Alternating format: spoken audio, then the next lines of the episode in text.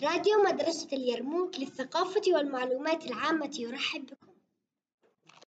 بسبب الحالات الحالة التي يعيشها العالم وذلك بعد ظهور مرض فيروس الكورونا من المهم أن نقول لكم درهم وقاية خير من قنطار العلاج، هذا المبدأ الراسخ الذي يعرفه البشر من قديم الزمان فحقه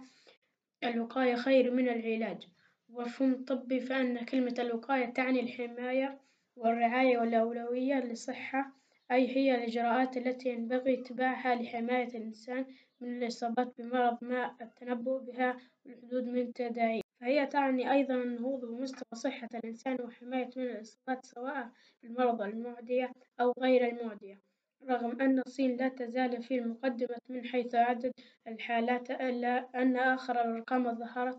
تراجع بعد الإصابة في الصين بشكل عام في الأسابيع الأخيرة نتيجة تدبير الحجر الصحي المشددة، فلذلك فإن كلمة الوقاية تعني الحماية والرعاية الأولوية للصحة، أي أي هي الإجراءات التي ينبغي اتباعها لحماية الإنسان من الإصابات بمرض ما أو التنبؤ والحدود من. أصدقائي الأعزاء أطلب منكم الانصياع لطلبات المراكز الصحية ولذلك من أجل الحفاظ على سلامتكم وبالذات في مثل هذه الأيام الصعبة، حاولوا قدر المستطاع التزام كل تدابير الوقاية وعدم الاستخفاء بها،